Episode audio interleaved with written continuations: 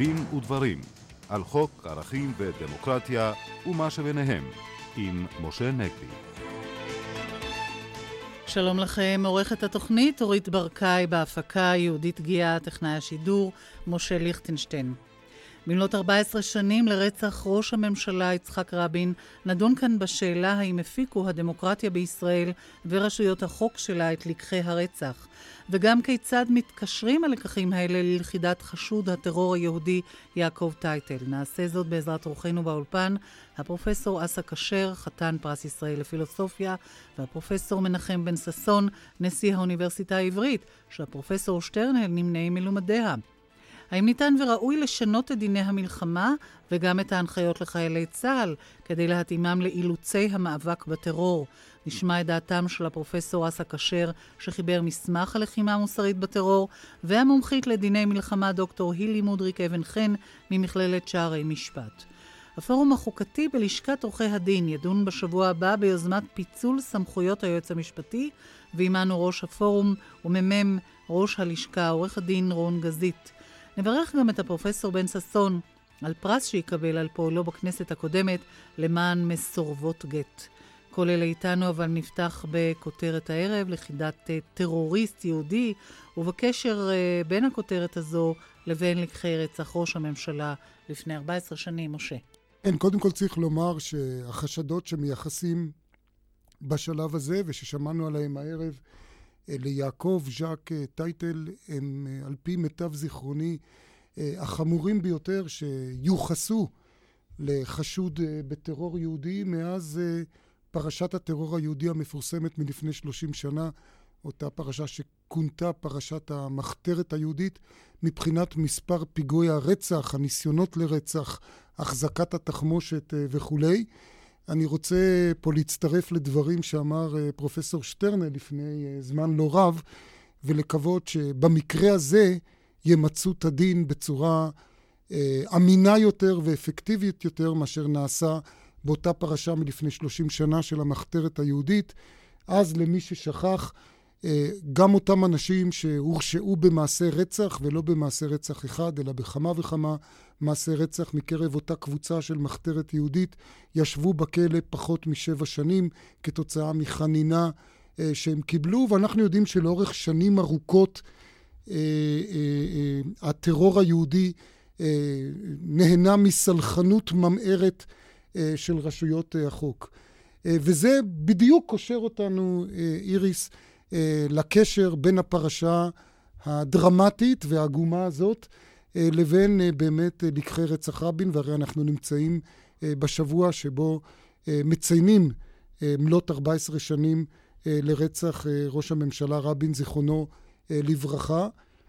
תודה לאל, ז'אק טייטל לא רצח ראש ממשלה, אבל אין ספק שהמעשים שהוא עשה, ביניהם מעשי רצח, כמו שאמרנו, וניסיונות לרצח, המעשים האלה הונעו מאותה מוטיבציה שהניעה את יגאל עמיר. לשתק ולהשתיק אנשים שלדעתו מסוכנים, או שדעותיהם מסוכנות למדינה. ואני חושב שאחד הלקחים המרכזיים של רצח רבין היה שאתה יכול להתנגד לדעה מסוימת, אבל אסור לך בשום פנים ואופן לנקוט אמצעים בלתי חוקיים, קל וחומר אלימים, קל וחומר רצחניים, כדי להשתיק ולשתק דעה נוגדת. ולצערי הרב, הלקח הזה לא הופק. והוא לא הופק בין השאר, אנחנו רואים את אי ההפקה הזאת של הלקח הזה בצורה שבה מציינים את זיכרון רבין בדרך כלל. בדרך כלל אנחנו רואים בטקסי הזיכרון ליצחק רבין, גם הטקסים הממלכתיים, גם הטקסים במערכת החינוך, שמדברים על מורשת רבין, גם המורשת הפוליטית, גם המורשת הביטחונית. Mm. שניהם, אגב, מורשות מפוארות וראויות לדיון, אבל אני חושב שברצח, ביום רצח רבין, צריך לזכור פחות את רבין ויותר את הרצח, אם אנחנו באמת רוצים להפיק את הלקח. גם נכדו, נכדו ניסה לעשות את זה בעצרת החגיגית, אם שמת לב בכנסת. אני בהחלט סומך על היד, על, את ידיי על הדברים שאמר נכדו, ואני רוצה לומר, רבין לא נרצח בגלל, ש, בגלל שהוא תמך בתהליך אוסלו, ואפילו לא בגלל שהיו אנשים שהתנגדו לתהליך אוסלו. משום שההתנגדות לתהליך אוסלו היא כמובן לגיטימית, רוב מכריע, רובם ככולם של המתנגדים לתהליך אוסלו בוודאי לא העלו על דעתם אה, אה, לרצוח אה, או לתמוך ברוצח, להפך הם מוקיעים אותו. רבין נרצח משום שהיו אנשים שחשבו שאם מישהו תומך בתהליך אוסלו, מותר אה, כדי למנוע את התהליך הזה לנקוט באלימות. כלומר, עוד פעם, הלגיטימציה לעבריינות אידיאולוגית, לאלימות אידיאולוגית ולרצח אידיאולוגי. זה מה שצריך להטריד אותנו. ולצערי הרב, הלגיטימציה הזאת לעבריינות אידיאולוגית קיימת גם 14 שנים אה, אה, אה, לאחר אה, הרצח. אנחנו הזכרנו פה לא פעם מנהיגי ציבור שמביעים גיבוי ותמיכה לפעולות אלימות, זה היה בתקופת ההתנתקות, זה היו בתקופות אחרות. דיברנו פה על התנפלות על uh, קצינים בצה"ל שהיו מעורבים ב, ב, ב, בהתנתקות, ודבר לא נעשה לאותם מתנפלים. אנשים שהיכו את האלוף אלעזר שטרן בזמנו מכות רצח, לא uh, הועמדו uh, כלל לדין. אולי עוד לקח שמקשר uh, בין uh, שתי הפרשות, זה שבשעתו חלק מהסלחנות כלפי הטרוריסטים היהודים נבע מכך שיצאו מתוך הנחה שהטרוריסטים היהודים הם סכנה רק לפלסטינים. ואכן המחתרת היהודית של סוף שנות ה-70 פגעה רק במרכאות כפולות ומכופלות בפלסטינים. כמובן מראש זו הייתה תפיסה גזענית נפסדת, אבל בינתיים למדנו גם מרצח רבין וגם מהמעשים המיוחסים אה, לז'אק טייטל הערב, ש... מי שמבליג על טרור יהודי כלפי פלסטינים, בסופו של דבר יקצור טרור יהודי אה, גם אה, כלפי יהודים. פרופסור אסא כשר, איך אתה רואה את אה, שתי הפרשות והקשר ביניהם? אני רוצה להגיד שהחברה הישראלית ב-14 השנים האחרונות, מאז רצח ראש הממשלה ושר הביטחון, למדה לקחים מוגבלים. הפיקה לקחים מוגבלים, ובתחום מסוים לא נראה שהתרחש משהו משמעותי. נלך מהמעגל הכי פשוט. אה, אין סכנה היום ממשית שירצח ראש ממשלה, מפני שוועדת שמגר לרצח רבין אה, המליצה את המלצותיה, והממשלה קיבלה אותן, והשב"כ מבצע אותן, וההבטחה על ראש הממשלה ועל השרים, על אישי הממשל הבכירים ועל שרים, נעשית בצורה מקצועית וללא התקלות שגרמו באופן מקצועי לרצח אה, רבין. זה מישור אחד חשוב, אבל הוא מאוד מוגבל. אבל לא רק רצח ראש ממשלה נכון, צריך להדאיג נכון, אותנו. נכון, נכון, אני מסכים. גם רצח של פרופסור חלילה, גם, או של פלסטיני. כל רצח, כל רצח, כל רצח מדאיג אותי, כל רצח מעציב אותי. אה, במישור אה, אחר, היא הייתה תשתית לפעולתו של רוצח רבין. האטמוספירה של הרחובות. אני, אני זוכר את, ה, את הימים ההם בצורה שהיא ממש מזעזעת. אם אני מעלה על דעתי את הצורה שבה התבטאו אה, מתנגדי רבין ומתנגדי מדיניותו, רבין ופרס צריך להגיד באותו זמן. אה, זה, זה פשוט לא יאומן כי יסופר. ולכן אנחנו יכולים לשאול איך תתנהג במצב דומה כשעל הפרק עומדת תוכנית משמעותית, נניח לפינוי חלק משמעותי של היישובים באזורי יהודה ושומרון. אה, אם זה יהיה ממש משהו על הפרק, לא סמלי כמו בהתנתקות בצפון השומרון, אלא משהו מעשי. איך, איך יתנהגו הפוליטיקאים ואיך תתנהג התקשורת? זה מעגל שאני רוצה לדבר עליו. אני חושב שהפוליטיקאים שהיו אז על המרפסת בכיכר ציון, כשלמטה יש קרוז שיצרו ילדים מחב"ד שנועצים בו סכינים ברבין במדי האס-אס, אה, עד כמה שקשה לפה להזכיר את זה. אני חושב שזה עבר. ש, שנכונות של פוליטיקאים בשלטון... אז זה עבר, עבר או חלף? זה, זה, זה עבר. זה לא יהיה עוד פעם. זה לא יהיה עוד פעם שעל המרפסת יעמדו נתניהו ואולמרט ודומיהם, ושרון ודומיהם, והם יראו את זה. האם אתה יכול להביע, אבל... פרופסור כשר, את אותו ביטחון לגבי רבנים? לא, בוודאי לא. אני רוצה להגיע לזה עוד רגע. אז לכן, אני חושב שהפוליטיקאים באמצע המפה הפוליטית, באמצע, אה, למדו את הלקח הזה, ולא נחזור לימים האלה של, של ההפגנות וההתלהמות אה, של אותו זמן. אני לא בטוח אם התקשורת לא תשתף פעולה עם כל מיני תופעות כאלה כדי אה, להלהיט את הרוחות, וכזכור, ראש השב"כ לפני רצח רבין ביקש גם מהפוליטיקאים וגם מהתקשורת להוריד את הלהבות, והפוליטיקאים רובם סילקו אותו, והתקשורת רובה סילקה אותו. אה, אני חושב שהפעם התנהגו אחרת. אבל יש עוד משהו שלא השתנה בו הרבה, חוץ מאשר שהגדר עברה. אני חושב שצריך לזכור את זה. השסע האיום היה אז בין הימין כולו לבין השמאל כולו. בין, בין הליכוד והמפד"ל מצד אחד נגיד ו- ודומיהם, לבין העבודה ומרץ ו- ודומיהם. השסע עכשיו הוא לא ביניהם. השסע עכשיו הוא ימינה לליכוד וימינה, ושמאלה למרץ ושמאלה. שם השסעים האלה. ושם לא השתנה כלום, במובן הזה של שם יש... Uh, הסכמה רחבה אצל המצביעים ואצל מנהיגיהם ואצל הרבנים שהתרומה שלהם לרצח רבין לא נחקרה אף פעם ולא נחשפה אף פעם עד הסוף והיא ממש משמעותית. להזכירכם, אחיו של הרוצח, שגם הוא פושע לא קטן, אמר שה... אחי לא היה עושה את זה בלי, בלי רשות של רב. יגאל עמיר עצמו אמר את זה, וזה מצוטט בדוח ועדת okay. אוקיי, שמגר. אז, אז יש לנו, יש לנו uh, ראיות לתפקיד של הרבנים, אבל זה לא נחקר אף פעם. הנכונות על רקע אידיאולוגי לעבור על החוק לא קטנה, אלא אני חושב שהיא אפילו גדלה, אם כי היא עכשיו מרוכזת בקבוצות יותר קטנות. והסלחנות, טוב שהזכרת את היחס למחתרת היהודית. אני חושב שהסלחנות למחתרת היהודית הייתה אחד מהגורמים שאפשרו ליצור אווירה ציבורית כזאת, שנותנת היתר לאנשים אה, גם אה, להתנקש בראש הממשלה. עכשיו, האיש הזה שנתפס היום, אנחנו לא יודעים עליו כלום אה, מעבר למה ששמענו בשעות האחרונות אה, בתקשורת, אבל אני לא אתפלא בכלל אם יש לו איזשהו רקע אידיאולוגי, אם יש לו רקע, לא, הוא מדבר במונחים אידיאולוגיים, אני מתכוון למשהו יותר עמוק. איזושהי הזדהות, איזושהי הנחיה, איזשהו קשר ל- לאנשים נוספים שאנחנו, יש בנו, רתי, יש לנו רתיעה חברתית ומשפטית לא מוצדקת לטפל בהם. ועדת שמגר לא טיפלה באווירה ערב הרצח, היא רק טיפלה נכון. ברצח עצמו. אבל צריך, צריך היה לטפל גם באווירה הזאת, והאווירה הזאת מכה בנו מדי פעם עוד פעם. אה, פרופסור בן ששון. כן, אה, אנחנו עסקנו בסוגיה הזאת של כיצד מלהטים את הרוחות ועוסקים באווירה, כשדיברנו בזמנו על חנינה לבחורינו המצוינים מהגג בכפר דרום, ואפרופו עוד מיני מאורעות. ואז אמרתי... זכור. לי כיצד כראש כן. ועדת החוקה נאבקת. כן. ואמר, ואמר, יותר מזה אמרתי, שמי שייתן חנינה שם, יצטרך לתת דין וחשבון על מה שעמד להתחולל אז בחברון. וזה התחולל בחברון. זאת אומרת, הייתה, הייתה פריאה של החוק שגם ב, ב, בפגיעה באנשים ולא רק בפגיעה ברכוש. אני לא מזלזל ולא בזה, לא בזה ולא בזה.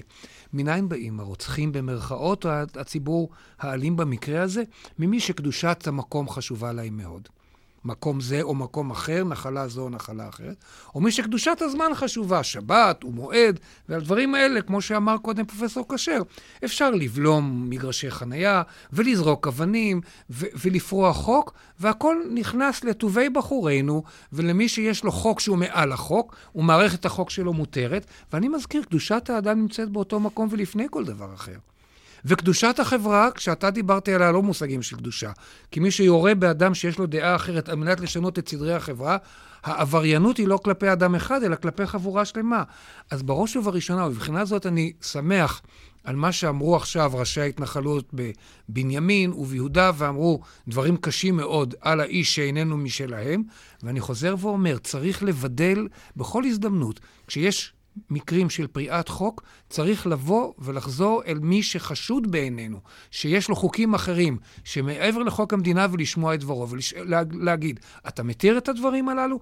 לא רק את המקרה המטורף, במרכאות או שלא במרכאות, את המקרה הקיצון של שבעה כלי נשק שאדם מחזיק בבית. המקרים נוגעים לחיי יום-יום, וצריך לזכור, קדושת אדם וקדושת חברה אינם פחות מקדושת זמן וקדושת מקום. דוקטור אה, הילי מודריק אבן חן. כן, אה, רציתי בבקשה להתייחס לדברים שמשה אמר בתחילת, בתחילת דבר, או בעצם בסוף דבריו, אה, לגבי האופן שבו מנציחים את, שבו מזכירים את רבין, ושאכן חשוב להתייחס לנסיבות שבהן הוא נרצח, ולא רק לדבר על מורשת רבין, ולקשור את זה גם למה שאמר פרופסור כשר בסוף, בסוף דבריו, בנוגע לחשיבות של הטיפול באווירה. באווירה שיוצרת הסתה. ולשאול האם באמת המערכת הפוליטית או המערכת המשפטית היא זו שצריכה לטפל בדברים האלה ברובד הראשון. ואני חושבת שברובד העמוק יותר, או ברובד ההתחלתי והראשוני יותר, צריכה מערכת החינוך, אה, באמת המערכת שמנציחה ומזכירה את רבין, את רצח רבין, לטפל בדברים האלה. משום ש, שמעשי אה, הסתה, הסתה לאלימות, הם גם לא נגמרים בהסתה למעשי, ל, לרצח ראש ממשלה וגם לא לרצח פוליטי, אלא הם אה, תופעה רחבה יותר, שמשליכה גם על, אה, על מעשי שנאה, על רצח, על פשעי שנאה בכלל. אין ספק שמעשי הסתה הם גם אלה שכנראה הובילו למשל לרצח בבר הנוער לפני, לפני כמה חודשים. ולכן אני חושבת ש, שהנושא של, של הסתה צריך לעמוד בראש סדר עדיפויות של מערכת החינוך במסגרת אה, הנצחת אה, זכרו של רבין. אה, ואחר כך המערכת המשפטית צריכה לשאול האם אה, קריאה כזו או אחרת לאלימות אה, יכולה, יכולה הסתה לאלימות, יכולה ל- ל- להביא ל- ל- להתרחשותה של אפשרות ממשית ליצירת מעשה רצח. אני רוצה להגיד שאני לחלוטין מסכים איתך, דוקטור מודריק אבן חן, שהחינוך זה הדבר החשוב ביותר. אבל חינוך זה תהליך ממושך, ולפעמים צריך, הייתי אומר, את ה-ER, את החדר מיון, את הטיפול הדחוף, הנמרץ. אי אפשר לחכות שהתהליך החינוכי יושלם ולאפשר בינתיים לאלימות הנוראה הזאת ולאווירה שיוצרת אותה להימשך, ואולי כדי להמחיש עד כמה צודק בעצם צודקים כאן כל הדוברים לגבי הסלחנות אה, כלפי האווירה. אני שוב רוצה לחזור ליצחק רבין. זכור לי שלאחר אה, הטבח הנורא שברוך גולדשטיין ביצע במערת המכפלה, יצחק רבין הוציא את הארגונים הכהניסטיים מחוץ לחוק, ואני זוכר, הוא יצא מישיבת הממשלה בראשותו, כמובן, ואמר, אנחנו נתייחס מהיום לכהניסטים כמו אל החמאס. זה היה הביטוי שהוא השתמש בו. ועכשיו, בדרך לאולפן פה, בשכונת רוממה בירושלים, ראיתי מודעות בנוסח כהנא צדק לרגל האזכרות שרוצים לעשות לו, ואנחנו שומעים שהולכים לעשות כהנא, לכהנא אזכרה בכנסת. האם אפשר היה לעשות אזכרה אה, לשייח' יאסין בכנסת, אם אנחנו נעשה את האנלוגיה לחמאס? הרי ברור שלא. כלומר, אנחנו רואים שבעצם הדבר הזה לא, לא התגשם, אותה כוונה של רבין, ואולי גם זה חלק חשוב במורשת רבין. פרופסור אסא כשר, אולי בעניין החינוך? אני או... רוצה להוסיף משפט על זה. Mm. אני חושב שיש לנו במקרה אפשרות uh, לפעולה חינוכית מהירה. יש חוק בקשר ליום הזיכרון לרצח רבין. והחוק אומר שבתי הספר צריכים לעסוק בפועלו ומורשתו, אני חושב שאלה המילים. אבל החוק סותם ולא אומר במה צריך לעסוק, ולכן יש כאלה שאומרים, מה, פה לא, אוסלו, לא רוצה לעסוק באוסלו. הם אמנם מפירים את החוק, אבל זה כאמור לא כל כך מעניין אותם. אני חושב שהחוק יכול היה לומר, אתה חייב לעסוק במורשת רבין במובן הבא. קודם כל לציין את העובדה שהנה לוחם במלחמת השחרור ועד רמטכ"ל ששת הימים, לא שנוי במחלוקת. תעסוק בזה, באישיותו, כתורם למדינה, בדור הדור השני של, של בניה. שני, תעסוק בחתירה לשלום. חתירה לשלום היא גם חובתה של המדינה הדמוקרטית. והיום אין מפלגה שלא אומרת שצריך לחתור לשלום. ושלישית, הרצח. שלישית, ההגנה על הדמוקרטיה מפני אויביה. החוק יכול לומר שצריך לעסוק בשלושת הדברים האלה, ובשנה הבאה בתי, בתי הספר יצטרכו לעסוק בהם. אגב, יש לי רק תיקון אחד, אני את עניין הרצח הייתי שם שוב בראש, כי אני חושב שזה הדבר הבוער ביותר. נסתפק בדברים האלה על רקע גם שוב הידיעות האחרונות של השעות האחרונות, ואנחנו כאן אה, בדין ודברים, רשת ב' של כל ישראל נצא להפסקת פרסומת, נשמע עדכון חדשות, ונחזור אחר כך עם העניינים האחרים, דוח גולדסטון, היועץ המשפטי, ועוד מיד.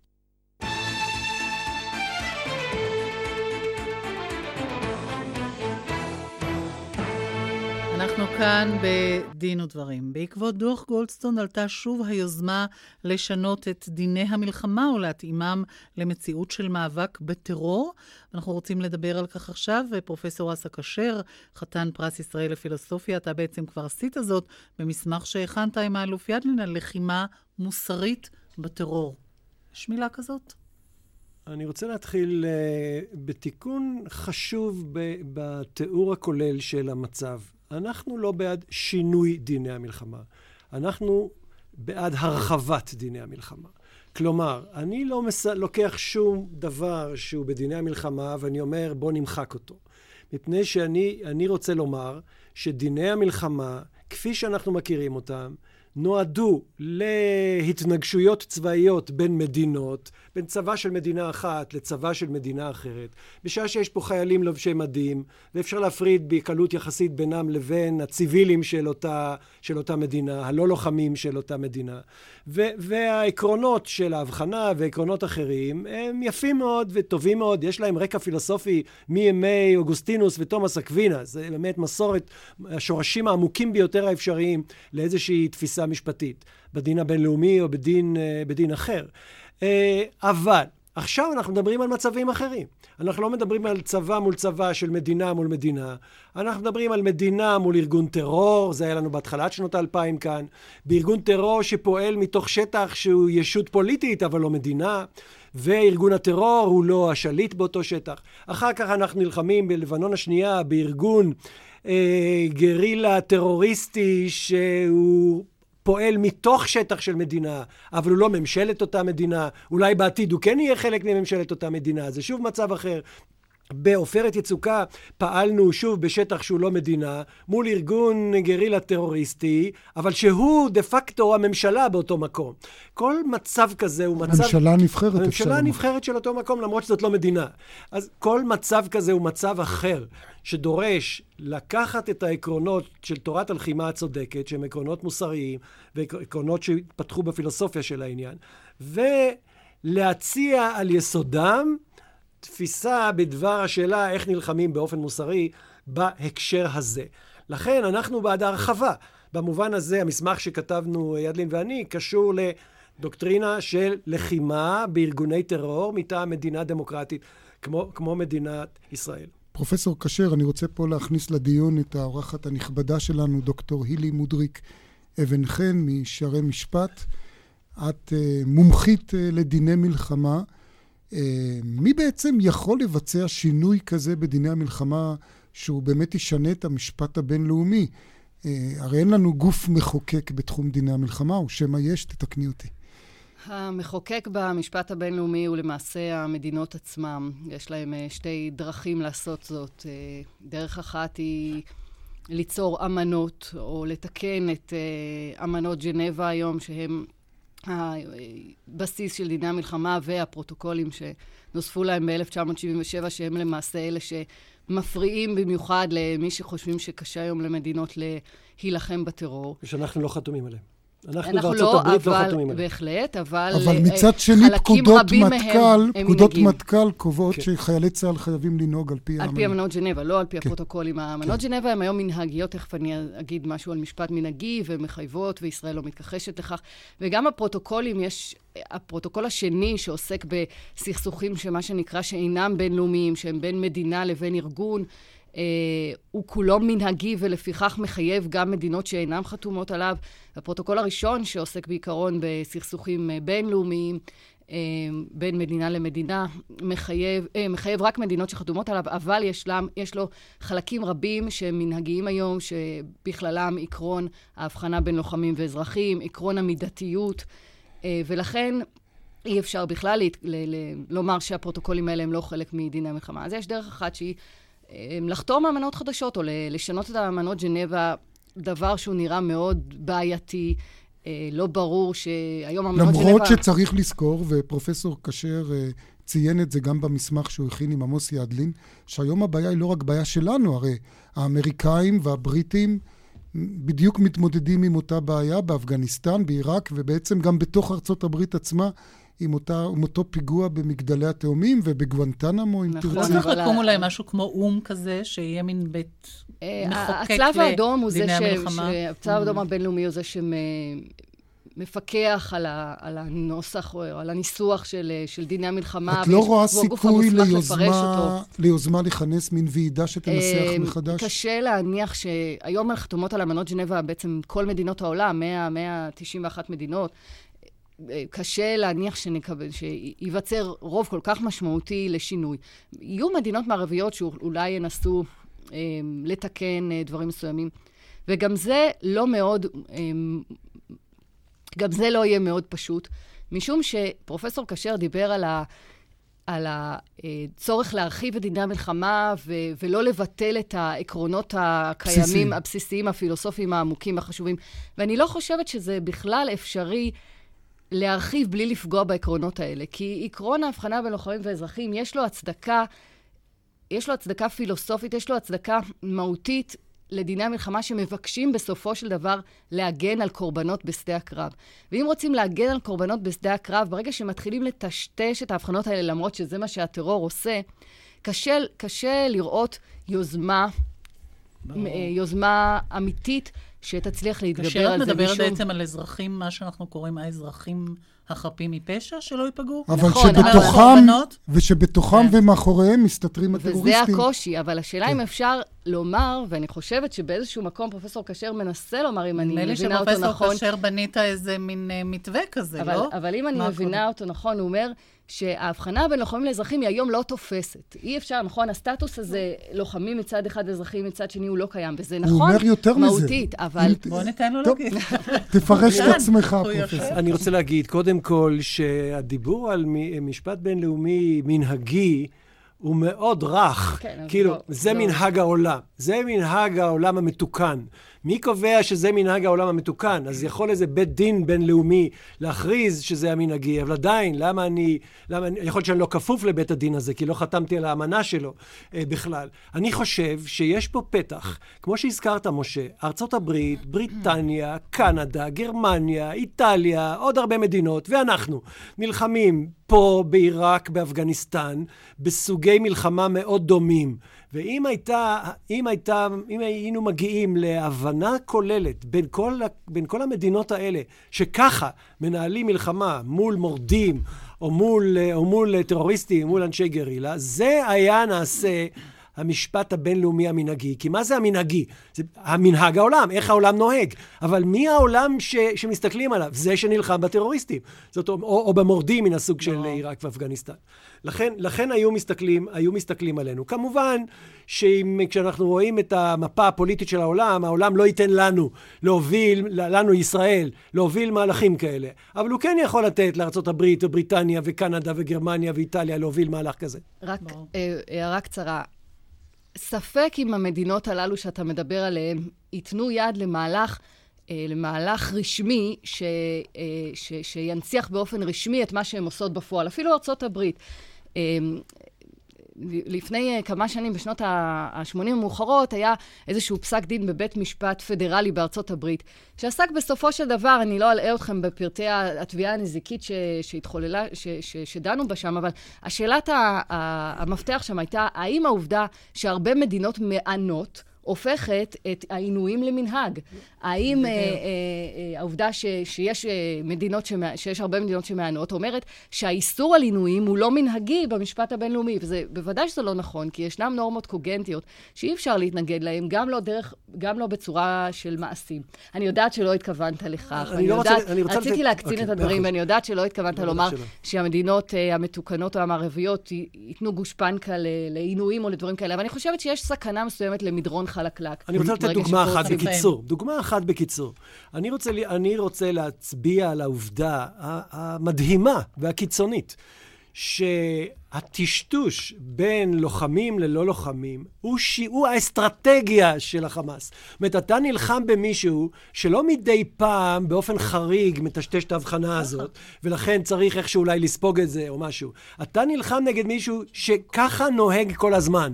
ולכן, אם אתה תתייחס לזה בצורה שבה מתייחסים לזה כשזה חריג, אז בעצם אסור לך לעשות כלום. כלומר, עליך להיכנע.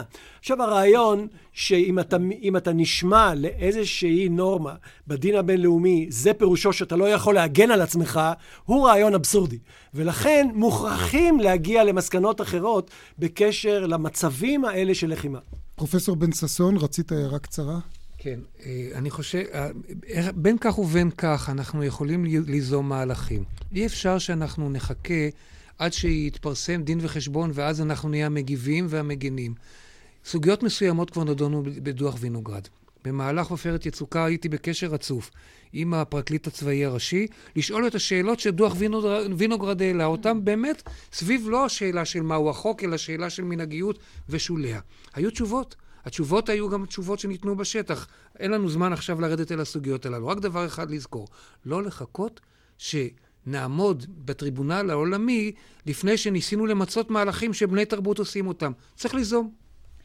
תודה רבה, ונסתפק בדברים האלה בנושא הזה, ולנושא החשוב הבא, סוגיית פיצול סמכויות היועץ המשפטי, לא יורדת מסדר היום, ואנחנו רוצים לדבר על כך איתך, עורך דין רון גזית, ממלא מקום ראש לשכת uh, עורכי הדין, ואתם החלטתם לדון בפורום, בפורום החוקתי שלכם ביום שני.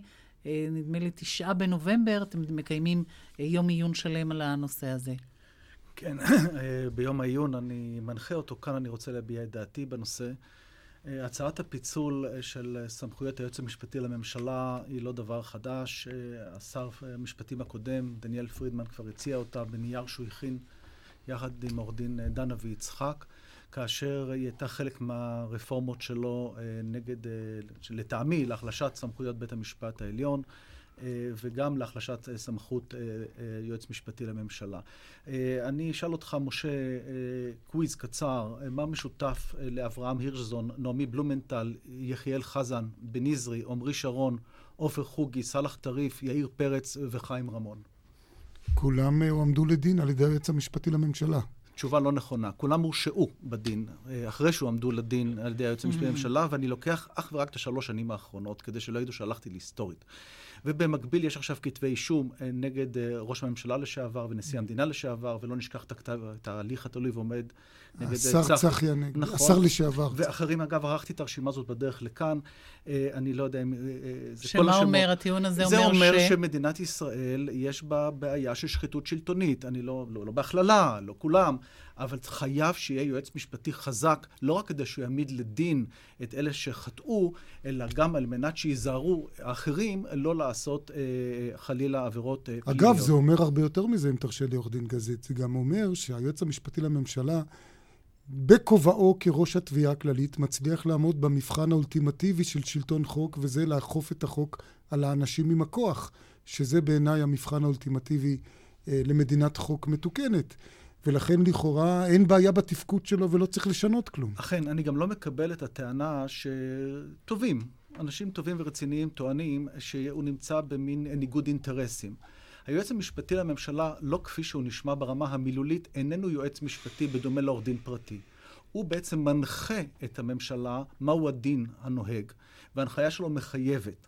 אגב, אני מבין מה, מהתקשורת, כי ההצעה של אה, אה, השר נאמן עוד לא פורסמה, שהכוונה היא שהוא לא יהיה מנחה, אלא רק יועץ, ובזה אני רואה בעיה גדולה מאוד. הוא בעצם קובע מהו הדין, ולכן אני לא רואה כאן בעיה של ניגוד אינטרסים. להפך, הוא גם בעניין הזה אוכף את החוק על הממשלה. בעצם יש פה שילוב אינטרסים, נכון, לא ניגוד. יש פה למעשה הגנה כפולה. ראשית, ההגנה שלו, ולאחר מכן אה, בא בית המשפט. זה מדובר על שלטון החוק באופן כללי. עוד משפט אחד ברשותך, משה. כל מה שאמרתי כאן, אין בו חידוש. אה, אה, ועדת שמגר, אה, שהיו בה חברים, גם מאיר שמגר, חיים צדוק, זיכרונו לברכה, דוד ליבאי ורות גביזון, קבעה את הדברים האלה אחרי בדיקה יסודית לפני כעשר שנים, ואין שום סיבה שאני רואה אותה, לסטות מההמלצות של ועדת שמגר, שלא לפצל את סמכויות היועץ המשפטי לממשלה. פרופסור מנחם בן ששון, אתה כבר התחלת בעצם להתעסק בסוגיה הזאת עוד בכובעך כמחוקק.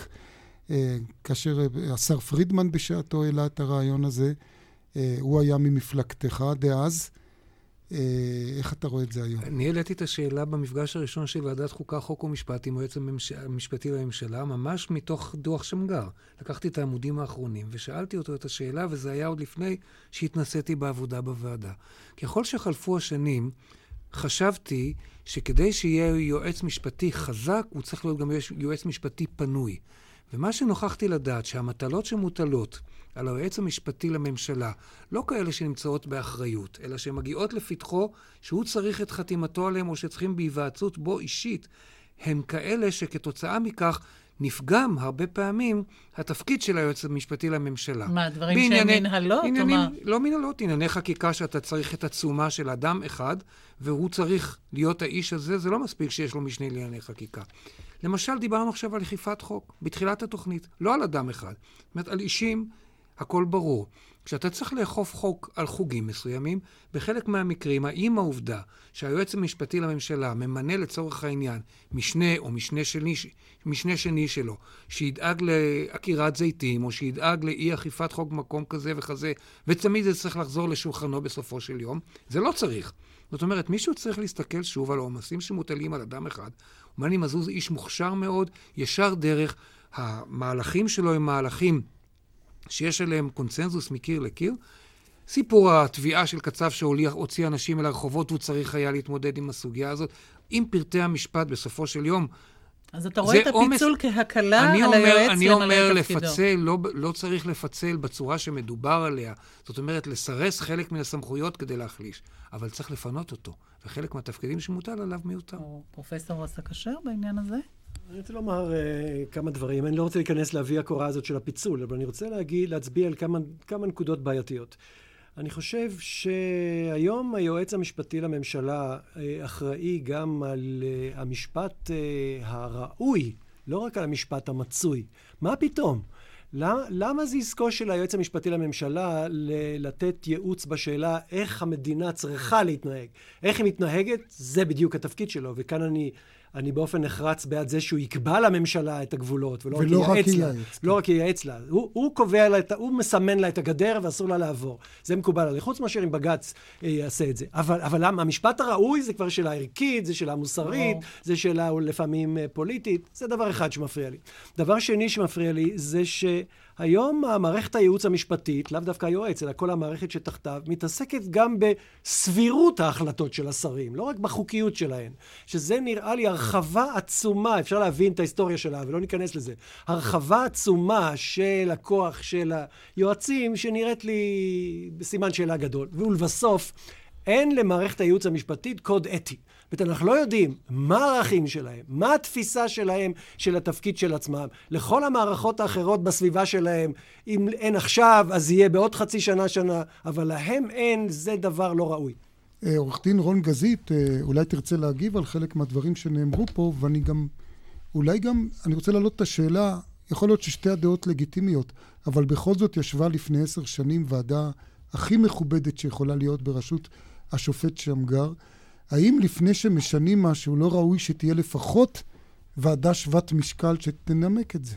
בהחלט. אה, אני חושב שאם רוצים לעשות שינוי, זה חייב להיות בדרך של ועדה שתבחן את העניין ותראה מה השתנה מאז, כי כל הנימוקים שעלו כאן על ידי אה, פרופסור בן ששון הועלו גם שם. ועדיין באים שלושה אנשים שהיו יועצים משפטיים לממשלה, יצחק זמיר, אהרן ברק, מאיר שמגר, שניים מתוכם גם היו נשיאי בית המשפט העליון. גם שר שופט, משפטים, ו- אה, דוד ליבאי. וגם דוד ליבאי, וגם אחרים, וגם מני מזוז. מני מזוז, והם אומרים, פיצול התפקיד הוא אסון, אני מצטט. אני חושב שכשבוחנים את זה, אז אפשר בהחלט לעשות שקלא וטריא. אבל כנראה שאם לעשות שינוי, צריך לעשות אותו בשום שכל ולאחר בחינת הנושא על ידי ועדה. תודה רבה לך, עורך דין אה, רון גזית, ועכשיו אנחנו רוצים לברך אותך, פרופסור בן ששון, על אה, פרס שתקבל מארגון מבוי סתום, וזה בזכות חקיקה שיזמת לטובת מסורבות אה, גט משעתו. אז קודם כל ברכות, ואולי תזכיר לנו ככה בקצרה. אני רוצה להתחלק בברכה עם אה, רוב רובה של כנסת ישראל, שהתעשתה והצביעה בעבור התיקון הזה. אה, במילים פשוטות, החוק הזה מאפשר לצד החלש במהלך של היפרדות המשפחה לקבל חלק מן הנכסים כדי שהוא יוכל, כשהוא עומד במערכה הזו, להשתמש במשאבים הכספיים שנאגרו, שנאספו במשך שנים. החוק הזה מתקן תאונה במרכאות שהתרחשה ב-1973, כשנחקק חוק אה, אה, יחסי ממון בין בני זוג, ניתן כוח מועצם לבית הדין הרבני, משום שהגדרת המועד של היפרדות המשפחה הוטלה על, על כתפיו של בית הדין, הרב, בית הדין הרבני, שאמר, זו משפחה בגירושין. אם כך, הפסדנו את כל מה שהרוויח החוק, ומבחינה זאת הלכת אה, השותפות שהעובדה שהממון הוא של שני הצדדים, הייתה פשוטה יותר לחלוקה. החוק הזה, אם כך, התקדם או קידם אותנו, והוא עושה שני דברים. הדבר האחד, הוא נותן כבר משלבים סבירים של היפרדות המשפחה את ממון בידיו של צד שהודר מהממון הזה. שזה בדרך כלל היא, בוא נהיה ריאלי. זו בדרך כלל כן. האישה. והדבר השני, שהוא גם מתקדם עוד צעד אחד בכך שהוא מגדיר את הממון או את הנכסים לא רק בנכסים כנכסים בעין, אלא מוסיף אליהם גם נכסים של השכלה, של אה, משאבים שעתידין להגיע, ואפילו מוניטין. הדבר הנוסף שמתאסף כאן הוא שיקול הדעת של מה טובת הילד. זה חשבון שלא הובא בחוק הקודם, וכאן הצלחנו לשפר גם את, ה, את התוספת הזו. המהלך של איך הגענו לכך היה מאוד מעניין. הכנסת הכניסה אותנו למוקש, וכתוצאה מזה היא זו שבסוף, אני מדבר דווקא על החוגים החרדים, היו צריכים לקבל את הרוב המכריע של הבית, והחוק הזה נכנס לתוכו. מאז יצא מתוק. אה, דוקטור הילי מודריק אבן חן, מילה בעניין הזה? כן, רציתי רק אה, לומר שזה לא תחום ההתמחות שלי, אבל אני בהחלט מברכת את פרופסור בן ששון על אה, קידום אג'נדה פמיניסטית ועל כל מהלך שתומך ומקדם את זכויות נשים ומעמד הנשים. זה זווית אישית. וממש לסיום, הערה לשר הפנים, משה. כן, אני ממש הזדעזעתי כששמעתי שיוחס לשר הפנים אני מסרב פשוט להאמין ששר בממשלת ישראל אמר את הדברים האלה, שבמסגרת מאבקו בעובדים הזרים, שאפשר להיות בעד, אפשר להיות נגד, הוא אמר שצריך להיאבק בהם כמייבאים לארץ חיידקים מסוכנים אה, של מחלות, שחפת, איידס וכולי. ספחת, כל המחלות ש... אה, אני חושב שזו אמירה שאי אפשר להגדיר אותה אחרת מאשר גזענית, מכוערת, מזכירה לי אמירות שנאמרו כלפי יהודים בכל מיני נסיבות ותקופות. ואני רוצה להזכיר שעיתונאי מאוד בכיר, שמואל שניצר, על מאמר דומה שהוא כתב בזמנו על הבאים מאתיופיה לארץ, שהוא קרא להם יבוא של מוות, בדיוק מאותן סיבות. בגלל זה בסופו של דבר נשלל ממנו פרס ישראל.